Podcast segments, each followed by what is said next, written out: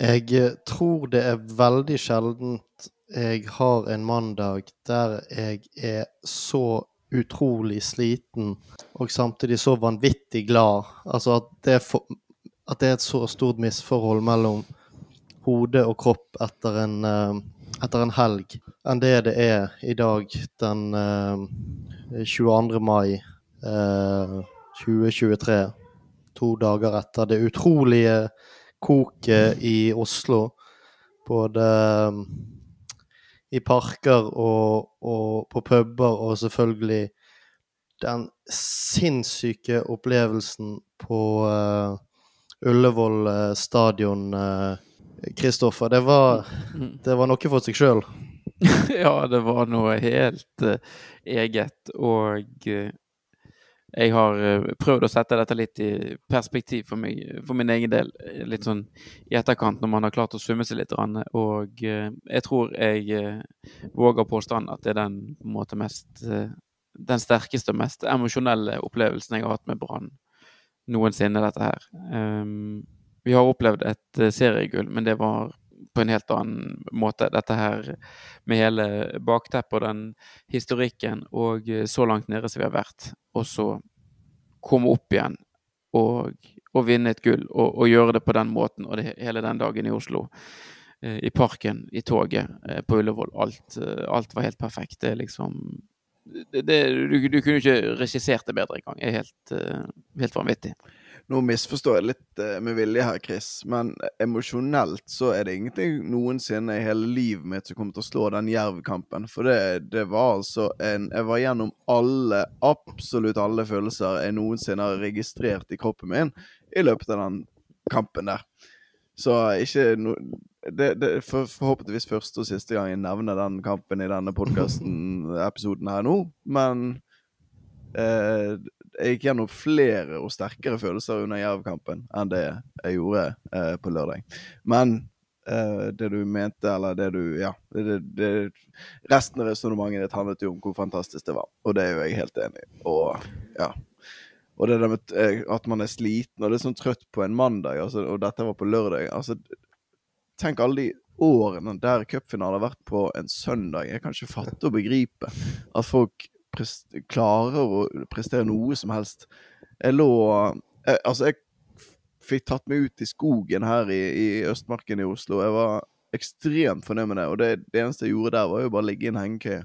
Men det Det var liksom Det var det jeg Det var akkurat det jeg klarte i, i går. For det var Ja. Det var en skikkelig, skikkelig utlanding. Men en kjekk utlanding, Børge. Ja, det var vi hadde jo, jeg og Kristoffer og tusenvis av andre, hadde jo en, eh, en etappe i går som eh, eh var eh, ikke Det var ikke restitusjons eh, Ideell restitusjon å komme seg hjem eh, i går etter en sånn dag, men, men det er jo du, du, er jo bare lykkelig absolutt hele tiden, og, og, og takknemlig for at vi fikk opp oppleve eh, den helgen der, som egentlig var et eneste eventyr fra vi eh, omtrent eh, satt oss i bilen, eller i hvert fall frem til vi kom frem til Oslo. Det var jo helt Altså um, Det er jo vanskelig å formulere hvor vanvittig stort og gøy og utrolig Hvor utrolig det var. Og jeg tror ikke jeg var, jeg var ikke forberedt på den, de følelsesmessige reaksjonene jeg kom til å få. Fordi jeg tror ikke jeg har prøvd å reflektere litt over det i dag, men, men uh, uh, det er jo veldig lenge siden vi har vunnet noe som helst. Det er 16 år, eller 15 og et halvt, om du skal være pinlig uh, nøyaktig. og da, som Kristoffer kanskje var inne på, da vant vi på en litt annen måte. Og, og det var på en måte noe som hadde bygget seg opp over noen år. At, at Brann skulle ha det gullet, koste hva det koste ville.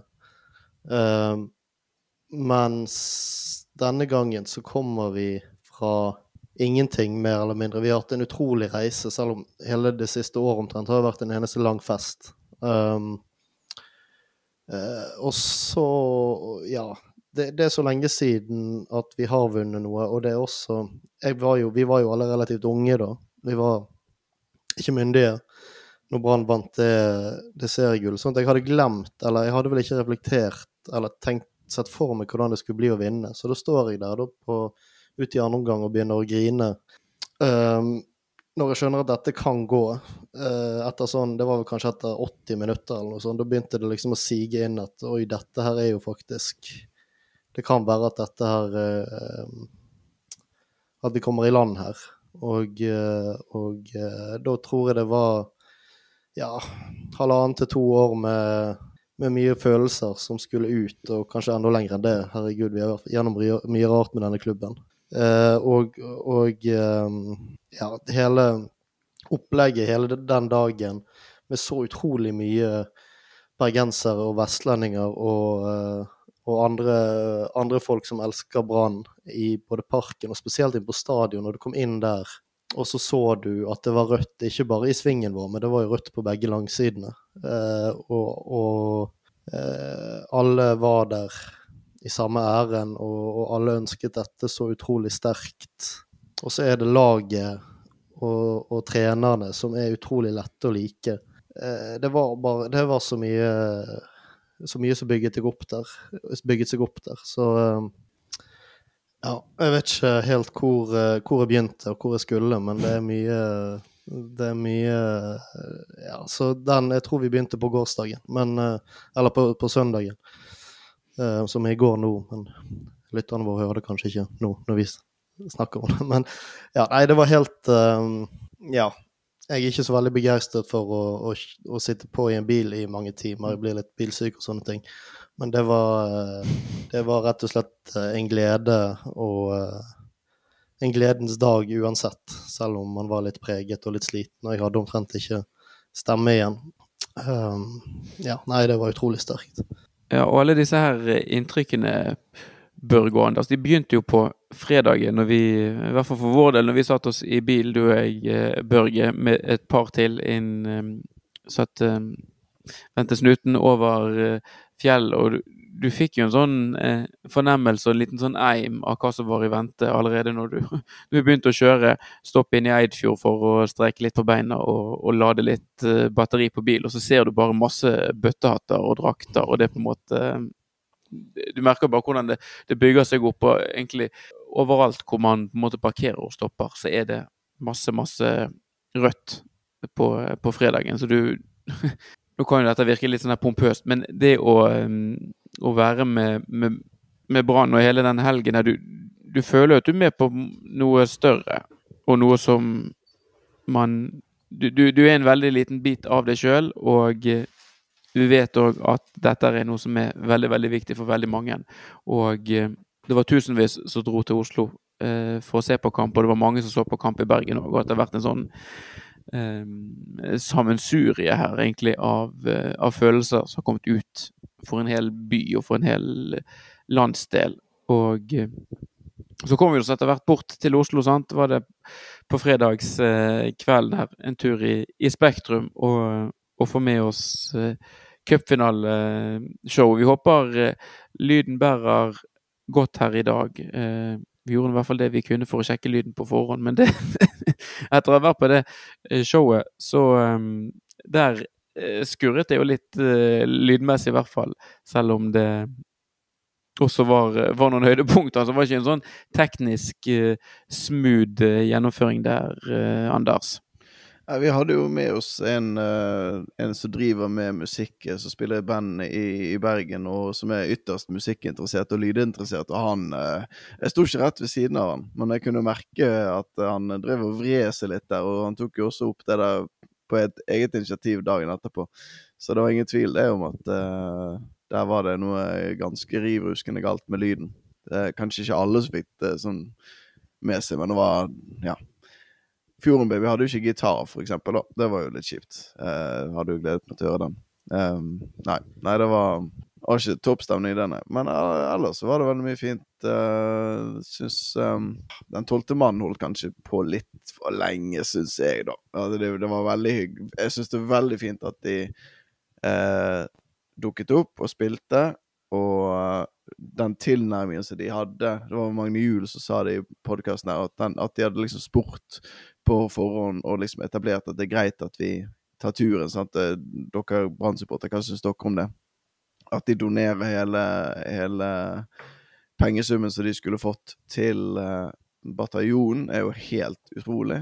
Og, uh, og ikke minst de der hyllestene. Det tenker du kan komme tilbake til straks, Børge. Men uh, det, det, det, det, måten de hyller og de, de to avdøde artistene på, og, og bergenserne, er jo også helt strålende. Så det var syns det var en veldig fin oppladning, den hele det showet der. Jeg Sett bort fra litt sånn lydtekniske problemer, så syns jeg det var helt nydelig. Og for en måte, altså eh, for, for, en måte å gå inn i helgen på. For min del så kom jeg rett fra jobb. Jeg hadde ikke den der eh, bilturen bak meg i, i, i, i systemet. Men jeg tror for alle involverte, uansett om man hadde vært på jobb eller tatt turen over der, så tror jeg det var deilig bare det å liksom åpne den første pilsen, og så liksom inn i, inn i Spektrum etterpå og kose seg med likesinnede. og jeg trodde, jeg trodde når jeg kom inn der at det var ganske mange folk der, men det inntrykket skulle vise seg seinere, at det, det, var jo nesten litt få, hvis du sammenligner med det som møtte oss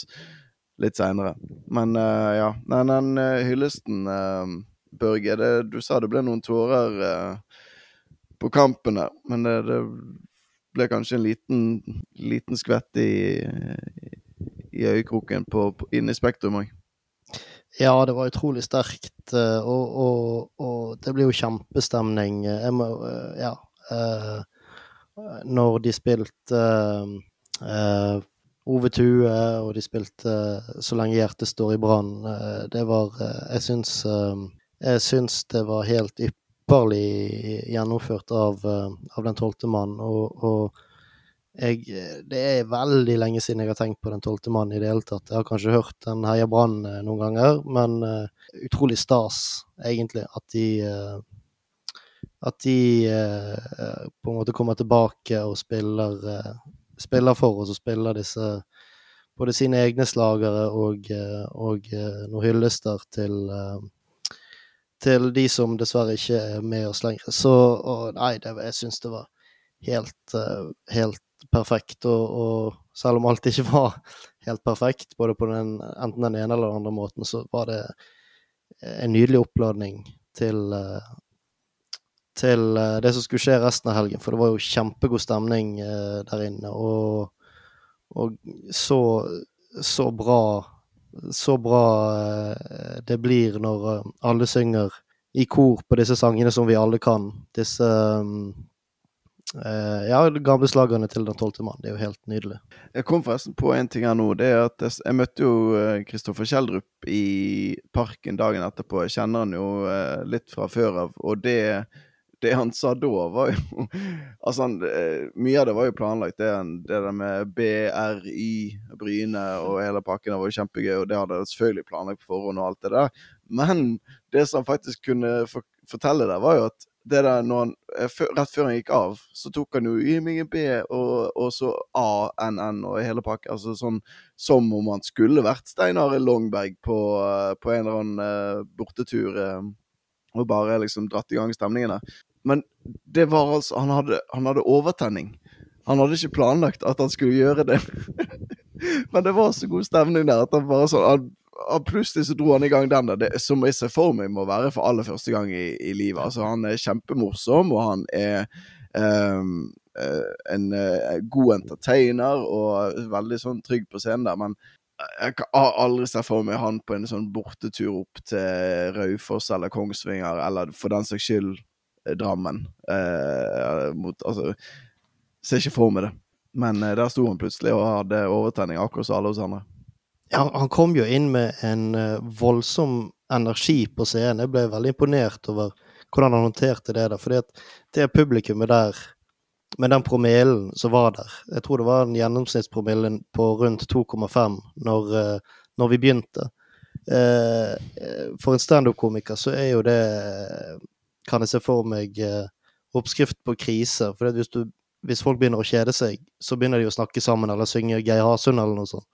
Men det er jo bare Han kom jo bare inn der og, og, og med full tennings Full tenning og kjørte på. Og det, det, det funket jo som bare juling. Det, må, det skal han ha skryt for, for det der kan ikke ha vært eh, enkelt å forberede seg mm, på. Mm, Nei, nei. Jeg skjønner veldig godt at han beholdt honoraret sitt, for der eh, fortjente han hver eneste krone. Og så var det jo dagen etter, eh, Chris. Mm. Eh, hvor vil du eh, begynne den dagen der? Nei, det um, Jeg er jo i en sånn uh, fase i livet at uh, det er ikke alltid at jeg får sove så lenge som jeg vil uh, i helgene. For det, det, er noen andre som vekker meg. Så jeg sov jo litt Endte jo opp med å sove litt frempå på den lørdagen.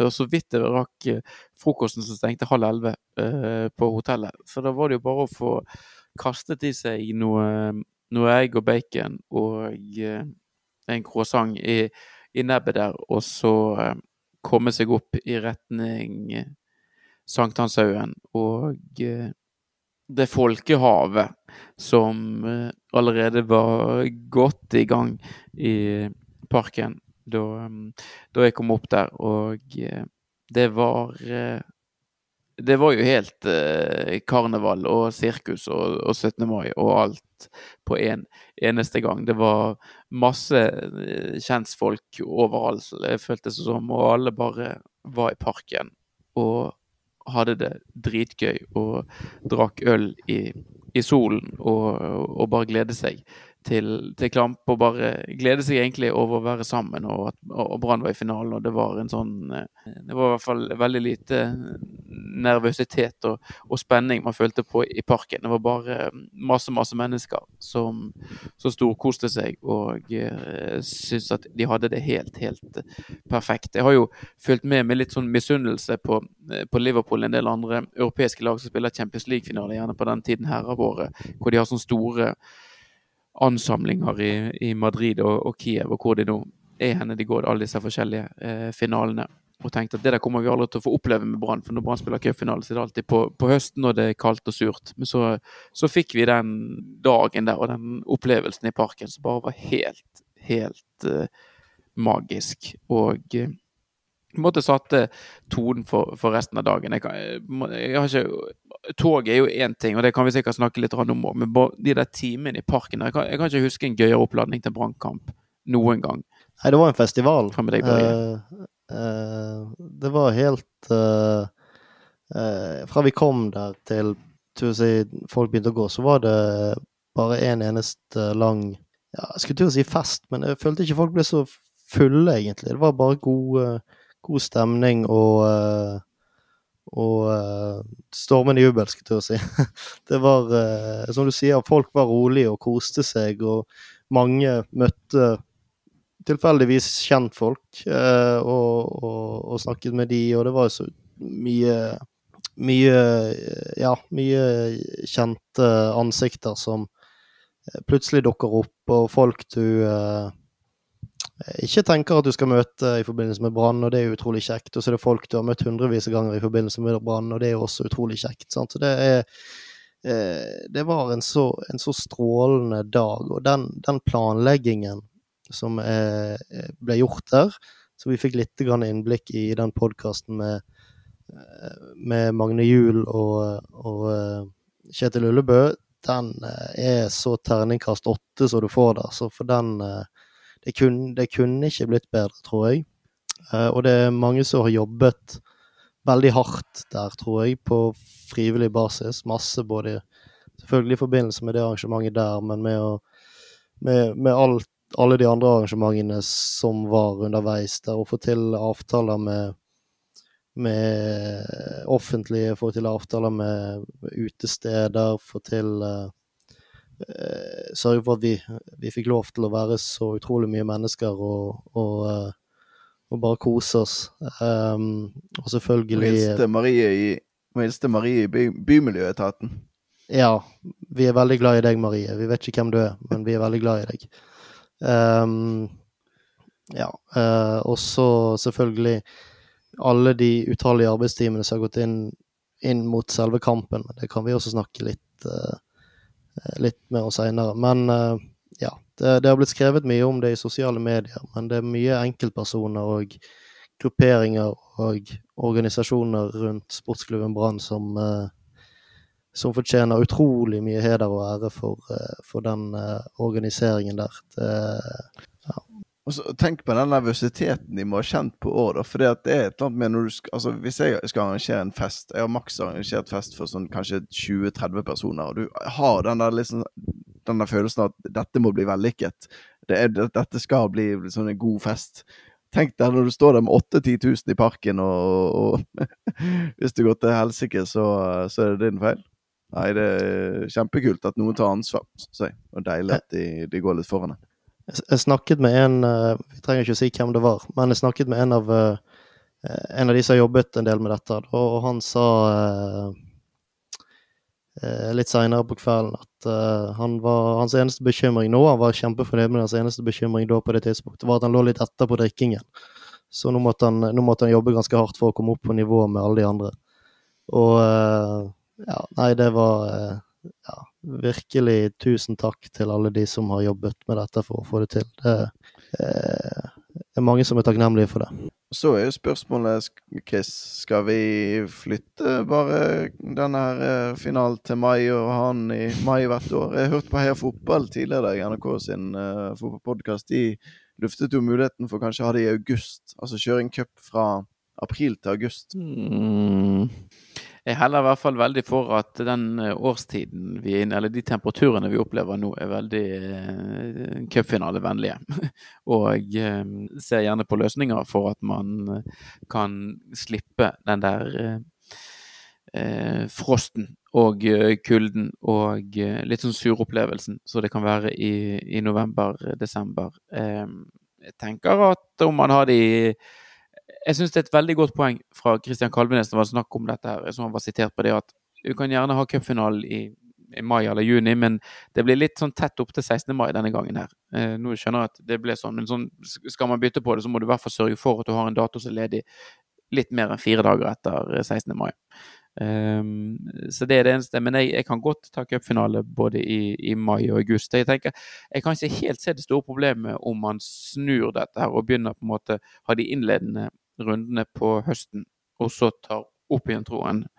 Um, og altså, cupen er nå på en måte det den er. Og jeg tenker sånn så For, for Brann sin del så kan du si det, ja, det er ikke ideelt at de kanskje må spille kamper på Brann stadion i, i, mars. Det er for så vidt et valid poeng, men enn så lenge så er det ikke så mange folk som går på cupkamper i fjerde og femte runde. Så Brann kan jo ha Åsane Arena som en sånn reservearena for eh, de kampene hvor man frykter at det blir så stor slitasje på dekket at man ikke kan spille på, på Brann stadion. Og så tenker jeg òg at da får jo disse her um, breddeklubbene da får jo de de innledende rundene Ok, det blir ikke på våren, men det blir på høsten i stedet for. Men de vil jo man vil jo kunne skape den samme rammen og den samme trøkket rundt i kampen. Om, om, om, om Brann spiller mot uh, Frøya eller Voss i mai eller uh, august-september, det spiller jo ingen trille, det vel. Det, det, er jo like stas for den klubben å få, for Voss å få besøk av Brann i, i, september som i mai. Så jeg, eh, jeg heller vel mot at jeg, jeg gjerne tar cupfinalen permanent i, i mer sommerlige temperaturer, ja. Ja, jeg er for så vidt enig den, eh, den festen vi, vi, fikk nå, er jo Var jo eh, helt makeløs. Det kommer eh, Ja, det, du hadde Som sier seg sjøl, og som har blitt sagt, så hadde du aldri fått det i desember og, eller november. Og så er det jo en annen ting med å ha det så seint på året, er jo at Vi er jo, vi er jo værutsatte. Og eh, dersom ett eller flere av lagene som spiller i finalen, ikke kommer fra Oslo, så kan jo det by på transportproblemer, enten eh, det er storm, sånn at fly får problemer, eller det er ras, eller, eller hva nå enn det, det, skal gjøre, eller hva, hva det enn det skal være, mener jeg. Sånn at det er liksom Det er veldig mye som Altså, når du skal flytte så store folkemengder, og du skal ha en så stor eh, fest, så er klima en eh, en, eh, en, god grunn på flere måter. Både sånn med ansamlinger av folk og, eh, og, og det koket der, men også rent eh, praktisk med logistikken. At det kan, det kan skje på Altså på vinterstid så er det mye som skjer, i hvert fall så lenge politikerne nekter å bygge skikkelig vei mellom Bergen og østover. Men det får bli en annen, det får bli en annen diskusjon. Kanskje, ja. Jeg vet ikke om vi Det, det er der vi skal eh, spore den her eh, cupfinaleseier-podden inn på. Nei, men, nei, men det er på, det, er en, det er en utrolig positiv ting vi opplevde nå. sant? Og, og, og det, det virker jo som en, en, en veldig god idé å gjøre det på den måten. Altså vi får Alt blir mye enklere og greier og, og gøyere på sommeren enn enn på vinteren. Ja, jeg er enig. Jeg, jeg syns dette er, er kjempestråle. Og så er det jo også det at eh, nå er det tettere opp til Europacupen. Så det, det laget vi har nå Nå røker jo Olfe, dessverre, men ja, heldigvis for han og heldigvis for talentsatsingen sett utenfra. Men sant, altså, du, du, det laget du har nå, er jo mye tettere det du har når eh, Europacupen starter om noen få måneder. Og så, ja. Så det er jo sånn. Men Eh, Kanskje vi snakker litt om det, da, når du først nevner Europa. Det er jo en sånn utrolig bieffekt av dette. som jeg egentlig ikke tok inn over meg før det gikk en god stund etter. på en måte. Fordi at jeg syns det var så gjevt og så stort at Brann vant en pokal. Og vant et trofé. For det, det gjør vi nesten aldri. Og så får vi jo en eh, europaplass.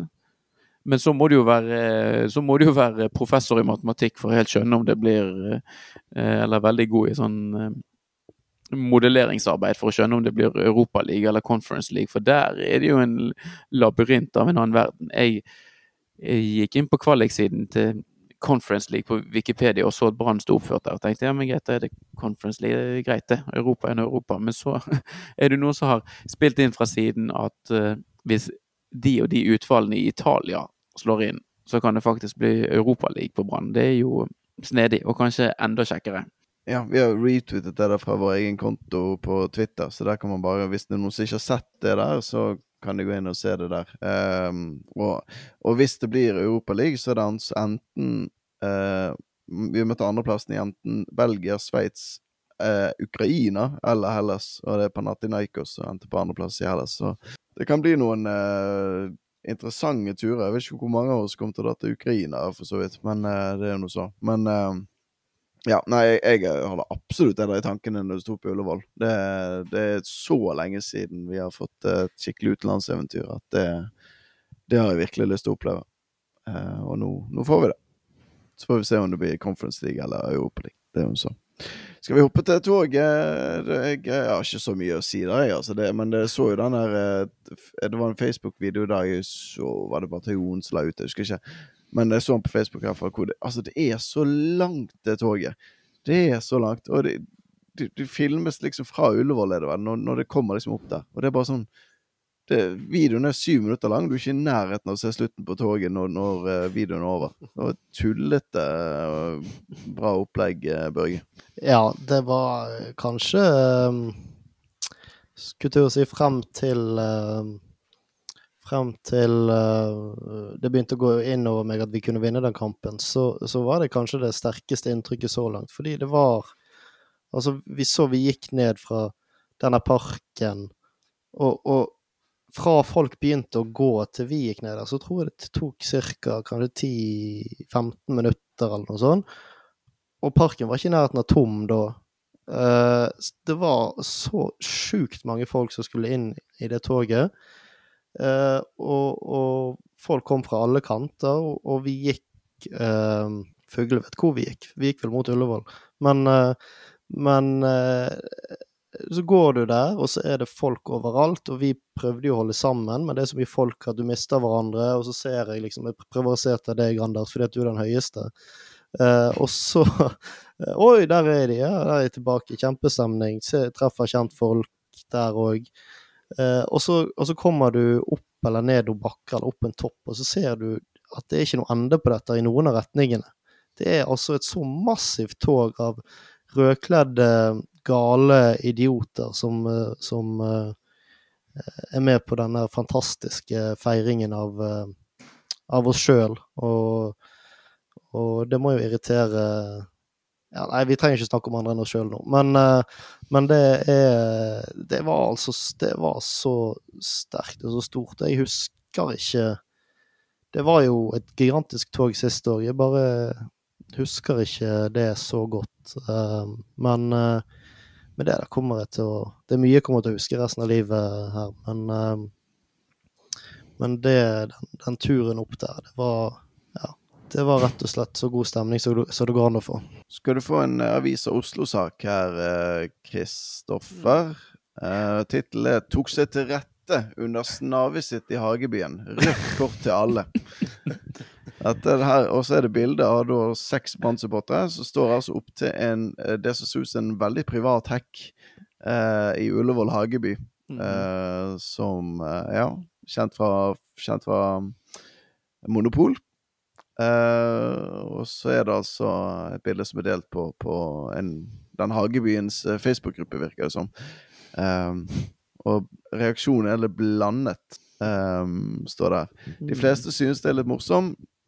Uh, noen blir indignert og synes det er avskyelig. Ja. Og så er det litt reaksjoner på at det var masse ølbokser og plastposer og, og søppel i, i veien der. Hva syns du om at man uh, tisser på en hekk? jeg eh, Tanken var vel at det var såpass tørt denne dagen her at eh, plantene trengte litt eh, næring og væske.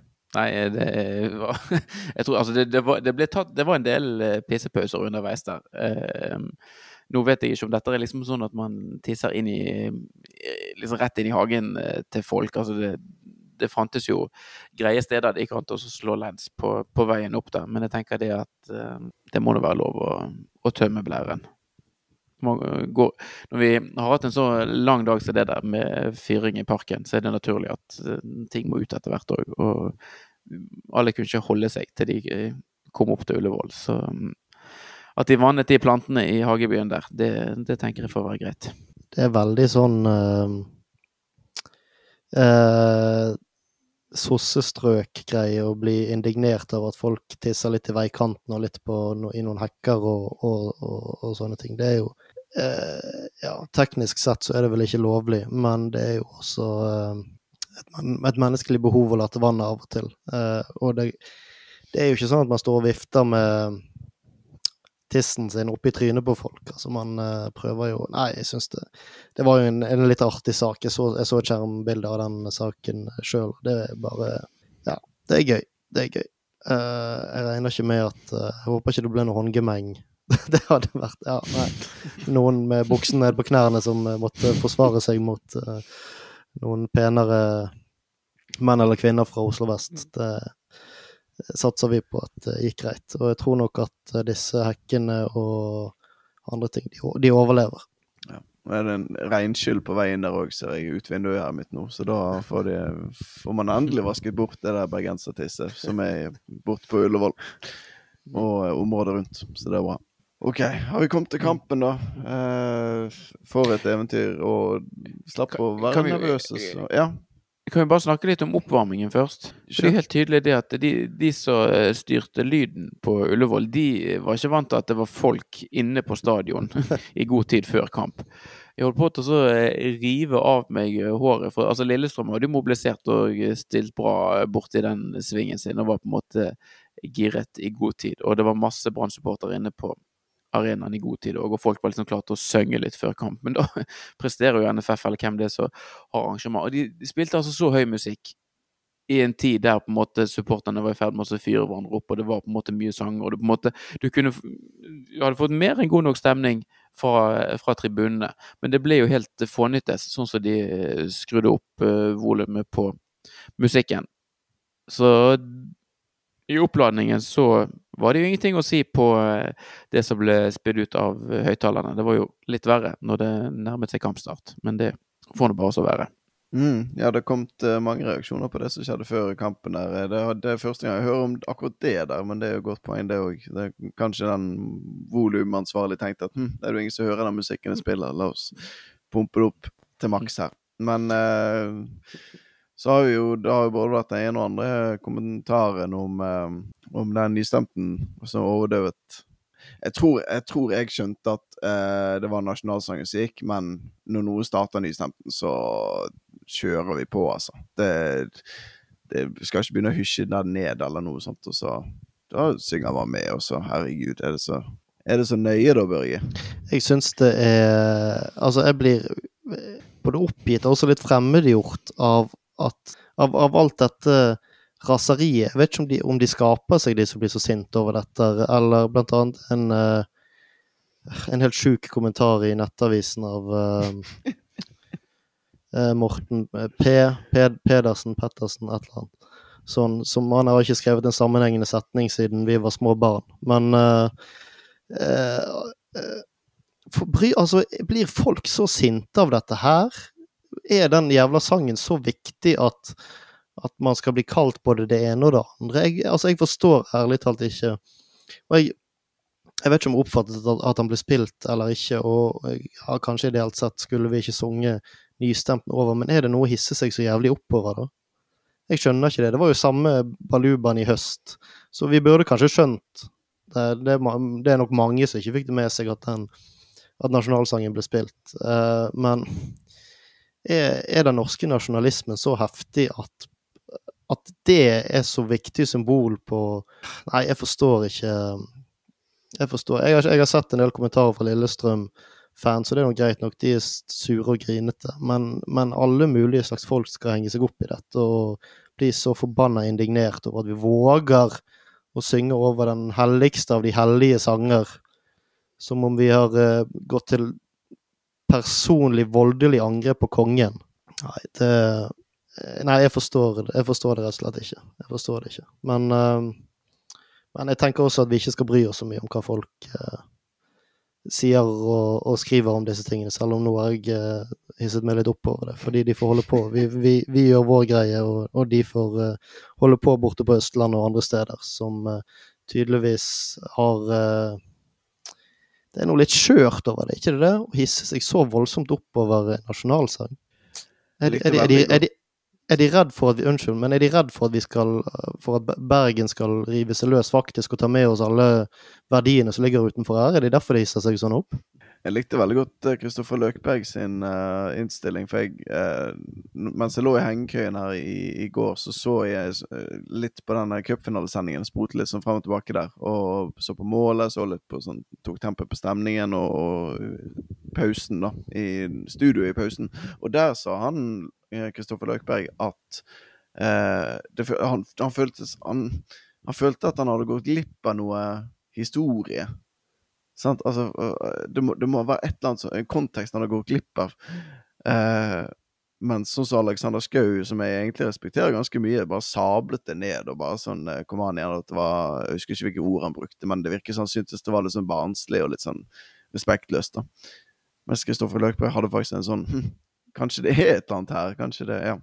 Så jeg sendte den der uh, NRK-podkasten uh, Noe for seg sjøl, der de snakker om litt om dette forholdet mellom Bergen og Oslo. Som han uh, takket for at han sa han skulle, skulle, lytte til. For det er jo et spesielt forhold der, Chris, som ja.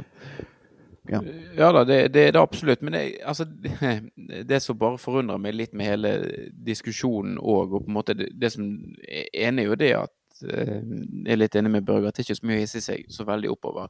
Og så er jo måte, det, Men det er faktisk et praktisk måte, element i hele her som en, en, del av de som er veldig kritiske, eh, ikke helt tar inn over seg. Og det ene var det at altså jeg, jeg sto på den øvre delen av den banditsvingen, så jeg sto ikke under det her svære, flotte banneret som vi for kan, kan snakke eh, litt om. Um, men jeg, jeg hørte ingenting. Jeg hørte ikke det korpset spille i det hele tatt. Det kan være fordi det var så mye støy ellers på arenaen. Men det var helt umulig for meg å vite. Jeg skjønte at det var nasjonalsangen som ble spilt, fordi de sto uh, linet opp, de der Sinsen uh, uh, musikkorpset, eller hvem det er. Men jeg hørte ingenting i det hele tatt. Og at de da som sto under det svære at de skal ha fått med seg når det ikke var råd å høre noen ting. Skjønner det mm, skjønner godt jeg at de heller tenkte faen, nå får vi synge, synge nystemt. Her skjer det jo ingenting uansett. Eh, fordi at eh, det var ikke råd å høre i det hele tatt hvor eventuelt i nasjonalsangen man var. Så kan du si at man kunne sikkert ha ventet til de var ferdig med den før man sang nystemt, men får en bare får en bare våge seg. Jeg syns det, ble ganske, det ble ganske stilig og bra trøkk. Det er jo litt morsomt hvis du ser den TV-sendingen, så hører du bare at nystemten fullstendig overtar litt sånn ut i, ut i sangen der. Så det, det, er ingenting å hisse seg sånn, sånn veldig oppover, syns jeg. Vi, vi, det er på en måte Det er jo den viktigste sangen for oss, og de får, får i hvert fall sørge for at det der P-anlegget fungerer skikkelig før de skal hamre løs. Eh, videre, tenker jeg. Ja. Kan det være litt derfor de, de, folk ble så sinte og reaksjonene ble så kraftige? Fordi at vi faktisk overdøvet uh, nasjonalsangen på nasjonalarenaen. Og uh, ja, hadde, det vært sånn ganske lavt sunget, så hadde jo ingen brydd seg, tenker jeg. Så det også var noen som nevnte at Lillestrøm hadde uh, sunget underveis der, men det fikk skje med meg, iallfall. Kanskje kan ikke se ut på TV-bildene som det er synging. Men ja, nei, tenker vi uh, på en uh, gledespod som dette her, så kan vi slutte å snakke så mye om de, de bitre østlendingene, og heller hoppe videre. Uh, 1-0-skåringen der. Der um, var altså det, Jeg la det ut på Twitter, men det, det, det var altså en uh, fyr som må, må, ha vært i tenårene, og han hadde jeg, skrev at han hadde regulering. Jeg er veldig sikker på at han hadde regulering, men jeg finstuderte ikke. Men han var i hvert fall veldig ung, mye yngre enn meg, og på skåringene så tar jeg også og klarer å rive han ned på et eller annet måte, og sånn at han havner det sånn halvveis i fanget mitt. Eh, og så i samme bevegelse så klarer jeg altså å stjele skjerfene. Så når, jeg, når, vi da er ferdigfeiret, og jeg reiser meg opp igjen, så har jeg altså to skjerf rundt halsen min. eh, som jeg Vi ble begge litt ganske forundret over det, da. Men eh, ja. Nei, da håpte jeg på det aller sterkeste at jeg ikke skulle bli flere mål. For det, det Jeg gruet meg til det som skulle komme, da. Men uh, for en følelse, Børge. Ja. Det, det, går litt tilbake på at jeg tror ikke jeg skjønte hvor, uh, hvor, gøy det kom til å bli. Når uh, Altså, hvor gøy det er å skåre mål i en, uh, i en cupfinale, og, og, på en måte komme nærmere den muligheten til å vinne. Fordi det var altså noen helt sinnssyke, både én og to, helt vanvittige gledesutbrudd og følelser. Og du grep jo bare fatt i de, den personen, eller de personene du så rundt deg, og prøvde å klemme livsskiten ut av dem. For, for det var jo så uh, ja, ja, nei, det var uh, Jeg håpet på flere mål, da. Fordi en 1-0-ledelse i en viktig kamp er jo noe av det verste du kan ha. Men, uh, men ja, nei, det var Det var virkelig, virkelig, virkelig noe av det gøyeste jeg har hatt med på. De målene der. Hvordan var det på øvre der, Kristoffer? Ja, det skulle jeg jo spørre om. Mm. Det var eh, sikkert nesten like gøy. Var, jeg tror det var litt mindre pyro enn det var på, på nedre Det var noen eh, bluss her og der, men eh, kanskje litt mer eh, Litt mer dannet. Men det var veldig, veldig god, eh, god kok, og folk, eh, folk nøt det like mye der oppe, tror jeg, som, som nede. Men jeg, jeg satt jo på den raden på en måte som var nederst. Og jeg har jo veldig høydeskrekk, så jeg var Og det, det, er jævlig langt ned her. Og jeg tenkte på det underveis i oppvarmingen, så jeg så ned, og så tenkte jeg hvis jeg detter ned, så dør jeg faktisk. Altså, så jeg, jeg, var faktisk litt sånn på at jeg måtte ha en liten sånn sikkerhetssone for meg sjøl, at jeg liksom ikke kom eh, for langt frem og følte meg eh, sugd ned utfor, utfor stupet. Så, eh, men jeg, jeg, glemte nå det sånn tidvis. Plutselig tok jeg meg sjøl i at jeg måtte ta et steg tilbake for, for, at det skulle føles litt bedre. Men det var, eh, det var sterke inntrykk på, på Øvre også. Det var det absolutt. Vi hadde jo plassert oss i trappen, fordi at der vi skulle stå Vi, sto, vi hadde sittet helt sånn på enden av eh, en rad, men der var det jo der var det noen andre som sto, og så tenkte jeg ja, men det er jo free seating, så vi gidder ikke lage et nummer ut av det. Og så sto vi nå bare i trappen, men det gjorde jo at trappen egentlig var ganske stappet der. Så hele tribunen Altså, jeg skjønner ikke hvor folk kom fra, men hele tribunen var stappet, og ja. Så det var jo det var jo derfor jeg endte opp med å feire med en tenåring, bare fordi at det var så stappet at jeg fikk ikke snudd meg nesten bak til, til Børge og til resten av gjengen. Så sånn var det. Ah, nei, for et eventyr. Um, hva, jeg husker liksom målet i kampen, eh, hva jeg gjorde da, men utover det så husker jeg det var Det er ikke noen sånn kjempesterke minner fra kampen hos meg, Børge. Jeg vet ikke med deg. Uh, nei, jeg, jeg uh, husker liksom Altså selve kampen, uh, spillet Altså, jeg husker at vi eide kampen, bortsett fra begynnelsen av andre omgang. og så husker jeg at det var god stemning. Det var eh, Det må vi si. Jeg syns eh, forsangerne hadde Eller hvem det var NO som var, var som startet sanger, de, de, hadde god eh, Det var gode sangvalg. Det var liksom sanger som folk kunne, og vi har jo snakket litt om om, om, det der før. Uh, så det, var, det sørget liksom for at det var kontinuerlig god stemning, selv om det kanskje ikke eksploderte før uh, si, ute i andre omgang der, når, uh, når vi skåret det andre og, uh, og skjønte at dette kunne gå veien. Um, så det er på en måte det som Altså, det, som, det er det som sitter best for meg, og som jeg kommer til å ta med meg, i tillegg til målene, selvfølgelig, også den, det synet av uh, av to nesten helt røde langsider, og uh, selvfølgelig vår uh, sving som også var helt, helt rød. Det var Fra selve kampen så er det liksom det som sitter igjen hos meg. Det var, uh, det var mektig. Det var mektig. Og det er jo liksom ikke Henger det ikke Jeg syns dommeren var elendig, men det kan jo bare være min min litt forvridde syn på hva som bør blåses på og ikke. men det var det er liksom ikke spillet du går på en cupfinale for å, å, se, tenker jeg. I hvert fall ikke på, til et lag du er så utrolig glad i. Det er ja, det er alt det andre. Hvordan, hvordan var dommeren elendig? Jeg, jeg, husker jeg hengte meg opp i Han blåste, han blåste mye til Lillestrøm, syns jeg, og blåste ikke til oss og sånn. Men det er jo bare sånn i kampens hete. Det er sikkert ingenting bak det. Jeg vet ikke. Eh, men det som irriterte meg noe helt sykt, det er de tunge, tunge, flaggene som de opererer med. Heldigvis så var den offsiden så klar, altså det annullerte målet, at, at vi så liksom Ja, OK. Uh, og, og, det var ikke så mye VAR-bekymring heller. Men, men, det irriterer meg hver eneste gang, for det, er jo hjerteinfarktmedisin, sant? Eller det motsatte, kanskje. Altså det, det er hjerteinfarktinduserende middel. Uh, men uh, nei, de, de, var sikkert helt greie, dommerne. De var. De fleste vet jo hvordan det der er. Jeg bare lurer på, du snakker om det, med, altså sånn som den der eh, offsiden som da mm, til slutt ble tatt. Altså Jeg lurer på hvor klar offsiden må være for at de faktisk skal. For det, altså, når det blir sånn alene med keeper, eller den typen sekvenser Altså Alle ser det jo. Ikke, eh, bare, kan ikke bare få opp det der flagget. da. Altså, han, han, han vet jo, linjedommeren.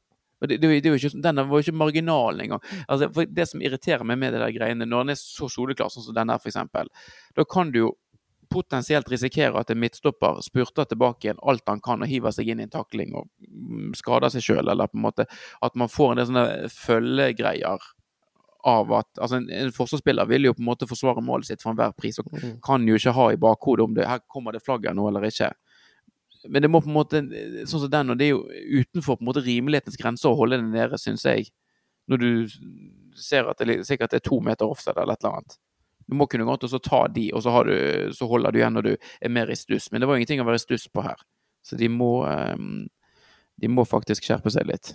Ja. ja. det kan godt hende den var helt åpenbar. Eh, jeg har jo sett det så vidt i reprise, og det, den ser jo ganske åpenbar ut der. Når det Ja når man pauser og, og litt sånn som det, men Vi så det jo fra svingen vår at det der var offside. Det var ikke noe å tenke på. Jeg så ikke det. Jeg var helt sikker på at nå, eh, nå rakna det, når den ballen gikk i mål. Og så så jeg flagget gikk opp, og da tenkte jeg OK, her er det en sjanse for at det var offside. Nei, jeg var ikke i nærheten av å se at det var offside fra min posisjon. Var, da fikk jeg den ekle, ekle følelsen som man får når man tror at uh, nå rakner det. Og det er jo det, altså det er jo, Jeg kan forstå det litt, for det at hvis du skal Hvis, hvis det eh, ikke hadde vært offside, da, eh, la oss si det, så er jo det da situasjonen som Altså, da blir jo det alt det handler om eh, etter kampen. Eh, hvis det liksom Hvis det blåses feilaktig der, da blir jo det nesten hele fokuset på han ene linjedommeren og hans ene feil. Så jeg, når de har det der systemet, så men. Bare min take på det. Ikke at jeg alltid prøver å være uenig med dere to, det, bare, det skjer veldig ofte. Sånn er det bare. Det var ikke Brann ganske god til å drøye tid på slutten der, ned, på, uh, ned med corner uh, Hvis du så mot banen, det høyre cornerflagget på venstrekanten der. Der, der, klarte de å holde han sikkert i to med tre med, tok ikke tiden. Men jeg følte han var der i en liten evighet en periode. Ja da, de er flinke på det. Og Sivert som lå nede med litt sånn vondter og mer eller mindre vondter òg, er jo alltid deilig å se når, når han spiller på ditt lag, tenker jeg. Ja. ja. Men eh, vi, vi, Rent sånn sportslig så tenker ja. jeg at det, det, var så behagelig på en måte så det kan være i en kamp som er så relativt tight resultatmessig. Det, du følte jo aldri at Og det var nesten overrasket. Altså, de, Lillestrøm hadde jo noen perioder. De hadde jo den heading til han der Lene Olsen på slutten av første omgang, der han fikk stå helt alene. Det var, jo, det var jo noen antydninger, men det var jo ikke noe sånn stormløp heller. De var litt friske i begynnelsen av andre omgang, men så når det 2-0-målet kom, så tok jo det litt piffen ut av det, egentlig. Og det, jeg syns Brann spilte ufattelig klokt. Altså en, en, taktisk ekstremt sterkt gjennomført kamp. Det er min sånn um, påstand og tanke etter å ha sett dette, og med på en måte de hva skal jeg si, rammen og omgivelsene som var, så er det på en måte jeg synes det er ekstremt imponerende å spille. For det er jo ikke en gjeng her som akkurat er vant til å vinne noe særlig. Så det var en ny situasjon for de òg, selv om de er vant til å spille for et fullsatt Brann og mener de har fått litt god trening i det. Ja, de har hatt en imponerende inngang til kampen. Det, det har jeg eh, tenkt litt på. At de har vært eh, De må ha vært eh, Altså, du har jo hørt at ja, blant annet Sivert begynte å grine i oppvarmingen og, sånne ting. Men altså, de, de, må jo ha vært veldig trygge på at altså fortsatt at det de gjør, er på en måte Da kan de slå hvem som helst. Og, og, og det tryggest å bare spille den fotballen de kan. Det er da de har best mulighet til å vinne fotballkamper. Og det tyder jo på at de har eh, Og det har jo åpenbart blitt gjort en, en veldig god jobb, men den, rett og slett den mentale biten, at de tør å kjøre på i en så viktig kamp mot Eh, et lag som ikke er dårlig. De har gode spillere, Lillestrøm, men de fikk ikke til en dritt fordi Brann hadde liksom den der eh, gutsen og, og, og, ferdighetene og den uh, innstillingen til kampen som, som gjør at vi har blitt veldig glade i, i dette laget. Så det all, all, all ære til både spillere og trenere for det kunststykke av en kamp der. Vi må snakke litt om Seri Larsen, fordi at han stormet tribunen på semifinalen når kampen var over. Og det var jo i seg sjøl helt eh, Altså årets øyeblikk for min del. Men han tar altså og fyrer seg noe så voldsomt opp når det sluttsignalet har gått her også, og uh, har noen sånne gestikuleringer og feiringer opp mot tribunen som bare er Altså, jeg, jeg hadde et tankeeksperiment med meg sjøl i dag hvor jeg bare tenkte sånn Altså, tenk å ha elleve Seri Larsener på laget. Hvor, hvor, utrolig kokende totallag det hadde vært. Eh, eller kanskje sånn ti Seri Larsener og Lesjevskij i mål, da. Men eh, altså For en gjeng det hadde vært. Det hadde vært eh, Jeg tror kanskje det hadde blitt litt for mye.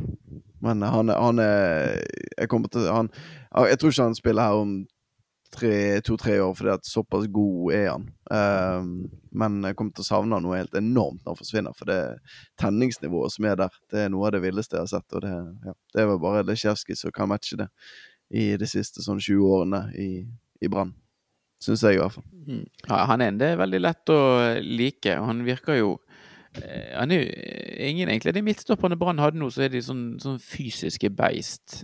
Men altså, han Ruben er jo mer en som på en måte profitterer mye på farten. Seri Larsen går jo til med, altså med, livet som innsats hver eneste gang. Og tar jo på en måte Nå blir det ikke så mye akkurat i denne kampen, men han tar jo skudd og blokkeringer hele tiden.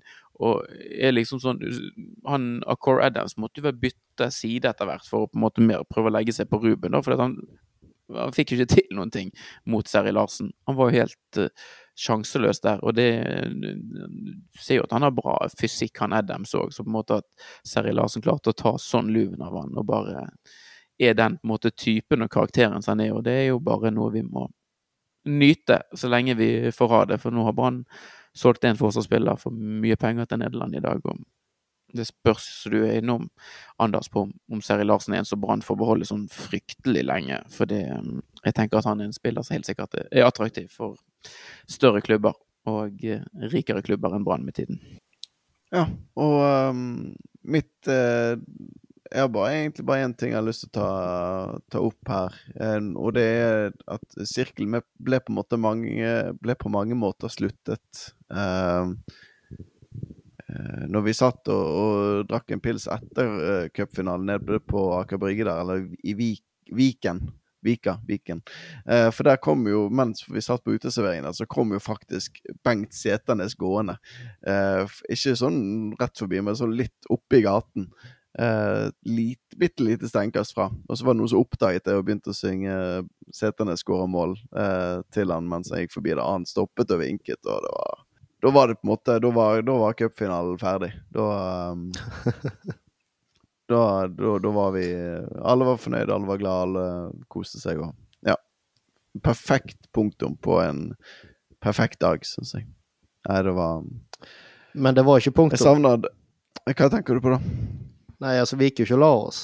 Nei, det er sant. Det er riktig.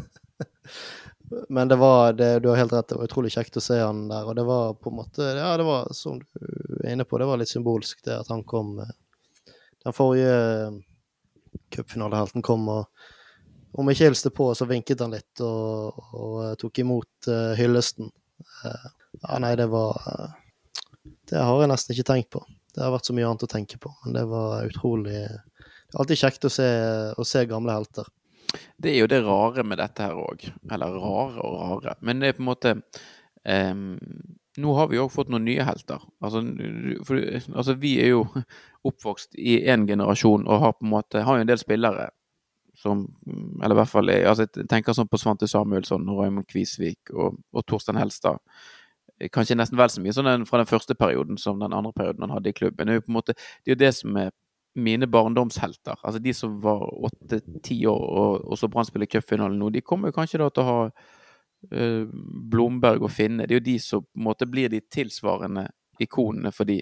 Og eh, kanskje er det Blomberg som kommer ruslende forbi et eller annet gjerde på et utested om eh, 25 år når Brann har, har vunnet cupen på ny. Eh, og det er masse spillere var, jeg, tror det, jeg tror det var Anders Palmer i BT som skrev det, at det er masse spillere som har vært i Brann uten å vinne noen ting som helst. Og masse spillere som vi, vi holder ganske høyt. Men eh, nå har vi på en måte Nå er det veldig mange både av våre egne gutter. Noe av det jeg kanskje nesten syns er aller gøyest med Brannlaget nå, det er jo det at det er mange bergensere i det laget, men det er ikke bare bergensere som har gått si, veien rett inn på Brann. De har vært innom andre steder på veien, utviklet seg, blitt gode fotballspillere, kom til Brann, og nå har de vært med oss å løfte klubben til å ta et eh, cupmesterskap. Eh, jeg føler Bård har jo vært en litt sånn omdiskutert eh, karakter, men jeg føler det er i ferd med å eh, visne litt hen, og det er på en måte vanskelig å holde så veldig mye mot han. Han spiller sin beste fotball i karrieren sin for sportsklubben Brann nå, og har nettopp skutt oss til et eh, NM-gull, så vi må bare prise oss lykkelig for at det er han som er spissen.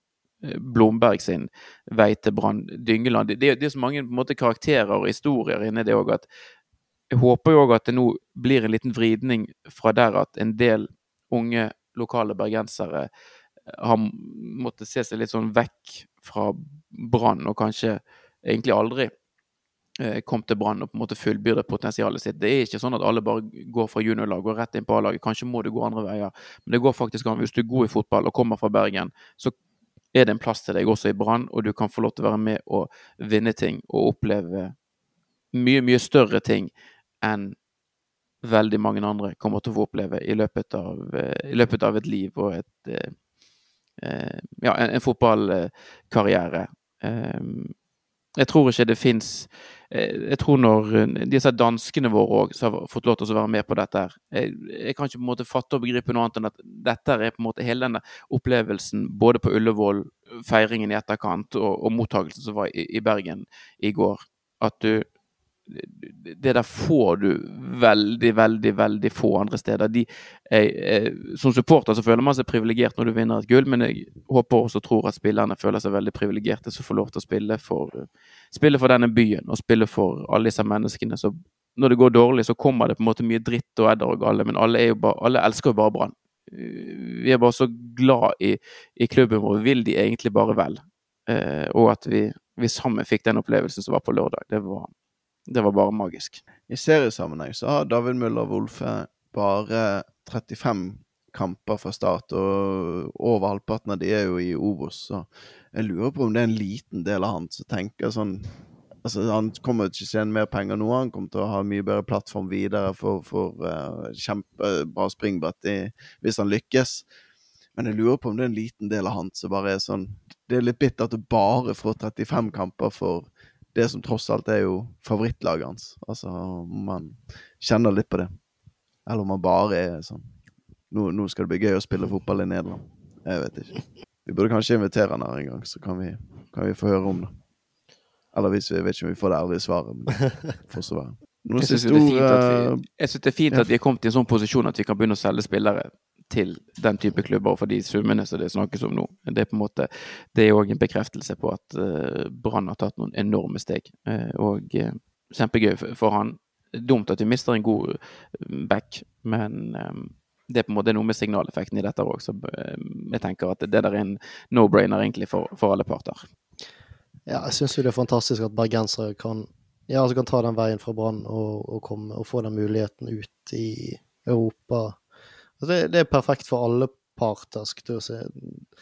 Ideelt sett så hadde jo de beste spillerne spilt for Brann hele karrieren sin, men sånn vil det jo aldri være. Og at en, en ung eh, en ung gutt fra, fra Bergen nord kan, eh, kan, eh, spille litt for Brann, og så, og så få denne vanvittige muligheten som han nå får, det er Jeg syns det er veldig fint. Og selvfølgelig er det eh, hadde jeg ikke snakket sånn hvis han hadde gått gratis, men så det er bra at Brann får penger for han òg. Eh, men det er bare Ja. Det er vinn-vinn. Så blir det jo veldig spennende å se hva vi skal bruke de 30 millioner kronene på. Det husker jo eh, Jeg spurte på Twitter i sted, der foreløpig så det kom til noen gode forslag her. Vilja Vevatnet, en av de. Maxi Biter. En ny Maxi Biter, riktignok. Og så er det jo han der en, en oppe i Molde som ikke lykkes så bra om dagen. Som, som vi kanskje kan få for billig billigsalg til 30 millioner kroner, nemlig Veton Berisha. Så det er mange muligheter. Men jeg føler jo nå eh, Han danske sportssjefen vår, han har jo fått uh, han, har, han har truffet bra, relativt bra så langt med sine signeringer. Men uh, jeg husker jo med Gufs tilbake igjen til hvordan det var for 10-12 år siden, eller 15 år siden, når vi skulle sprenge banken litt og, og hente de virkelig gode spillerne. Og det, det var ikke en eneste en som har innfridd der, det av den gjengen der. Så det Ja. Satser på at de treffer bedre denne gangen her. Men ja. Ja, nå uh, uh, ja. er jo ikke dette en sportspodkast uh, lenger, det er en, det er en supporterkulturpodkast. Nei, vi får ta og diskutere det der mer når Det er jo kjempegøy å snakke om, om signeringer og overgangssummer og sånne ting. Det er jo Ja, vi har mye mye vonde minner angående, angående det og mye Det er utrolig mye komedie som, som har blitt skapt når Brann har hentet spillere og solgt spillere opp igjennom. Så det, kanskje vi kan få et nytt kapittel der, eller kanskje vi faktisk er profesjonelle denne gangen. Det håper jeg at uh, dansken fortsetter å, uh, å, å, være smart. Og jeg vil jo, får jo håpe at, uh, at de har noen i sikte. Det er jo ikke sånn at den muligheten for at Wolf kom til å forlate oss, kom etter cupfinalen. Den har jo, det har jo ligget og lurt i i hvert fall et halvt år nå. Så vi får håpe og tro at de vet hva de gjør. Um, fra, fra, en supporters um, perspektiv så håper jeg bare de henter nå som er mer kokende enn Seri Larsen. Så skal jeg være veldig fornøyd. Da skal jeg kose meg. Sier du, Chris, skal vi uh, si det var det for i dag? Um, en utrolig opplevelse. Um, fra ende til en annen. Og uh, ja. Skulle jeg så hardt ønske at jeg kunne skru tilbake igjen tiden til uh, lørdag formiddag. For det, det, Jeg savner den dagen der allerede. Jeg tror jeg kommer til å savne den i lang, lang tid. Vi skal ta, ta godt vare på minnene.